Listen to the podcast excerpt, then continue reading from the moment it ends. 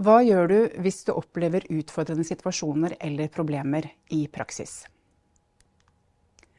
Først og fremst anbefaler vi deg at du tar det opp med praksislæreren din så snart som mulig.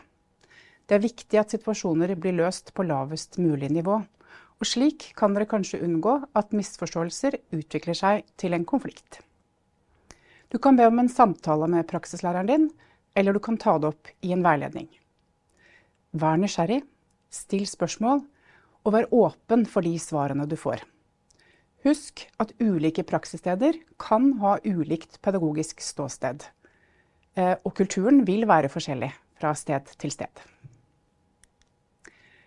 Hvis situasjonen ikke løser seg eller blir bedre etter at du har snakket med praksislærer, så kan du også be om en samtale med leder for praksis ved praksisstedet ditt.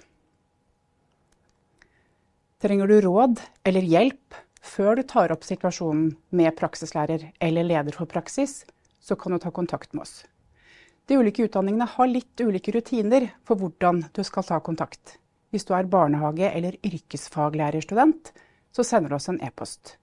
Er du student ved grunnskolelærerutdanningen, så tar du kontakt med kontaktlærer ved Oslo OsloMet. Du kan selvfølgelig sende oss en e-post også, hvis du er usikker. Hvis situasjonen ikke har løst seg i løpet av hele praksisperioden, og du ønsker å klage formelt etter praksisslutt, så er det viktig at du gjør det raskest mulig. Utdanningene har ulike rutiner for hvordan du går fram, så du må undersøke hva som gjelder for deg og ditt studium. Husk likevel at det er viktig å forsøke å løse problemene underveis i praksis, i samarbeid med praksisstedet.